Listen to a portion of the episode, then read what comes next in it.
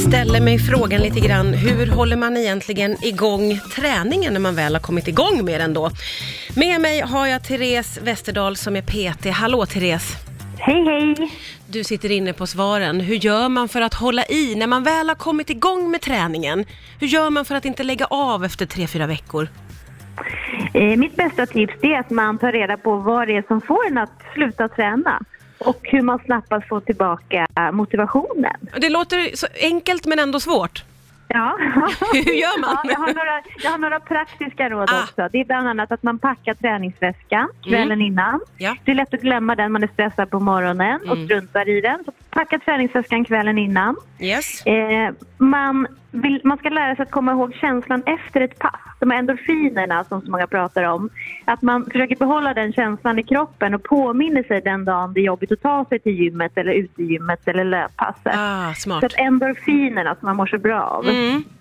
Eh, en annan sak som jag tycker är viktig det är att försöka hitta den inre motivationen.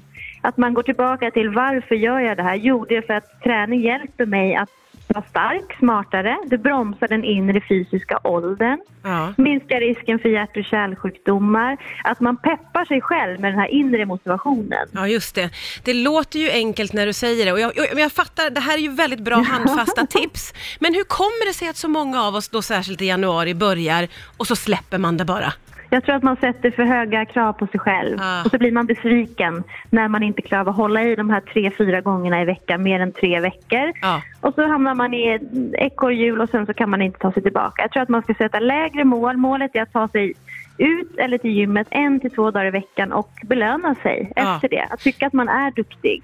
Det handlar ju mycket om att hitta någonting som man gillar eller som passar en. Vad det, Kommer det några nya eh, träningstrender för 2019 eller vad är det som är inne? Eh, det är fortfarande det är samma som gäller som de sista åren. Överst på listan om man tittar, då är det teknologi, Ja. pulsklockor. Eh, jag, jag själv personligen tycker om att jobba utan pulsklocka. Det är väldigt olika. Vissa lockar sig till det här med Mm. tabeller. Och, men det som är det viktigaste nu tycker jag, det är funktionell träning. Att man, man, jobbar, man kan jobba utan, man kan jobba med egen kroppsvikt utan redskap så det går att träna utomhus. Ja. Och eh, funktionell träning, det handlar om träning som genomförs med syftet att förbättra vardagen, bli starkare i vardagsrörelse. Som att lyfta, bära, gå, sitta på huk och så vidare. Då har man inget att skylla på. Nej, Nej, precis. då har man bara Nej. sig själv hela tiden. En trappa. Ja, Ja. jag får ta den då. Ja.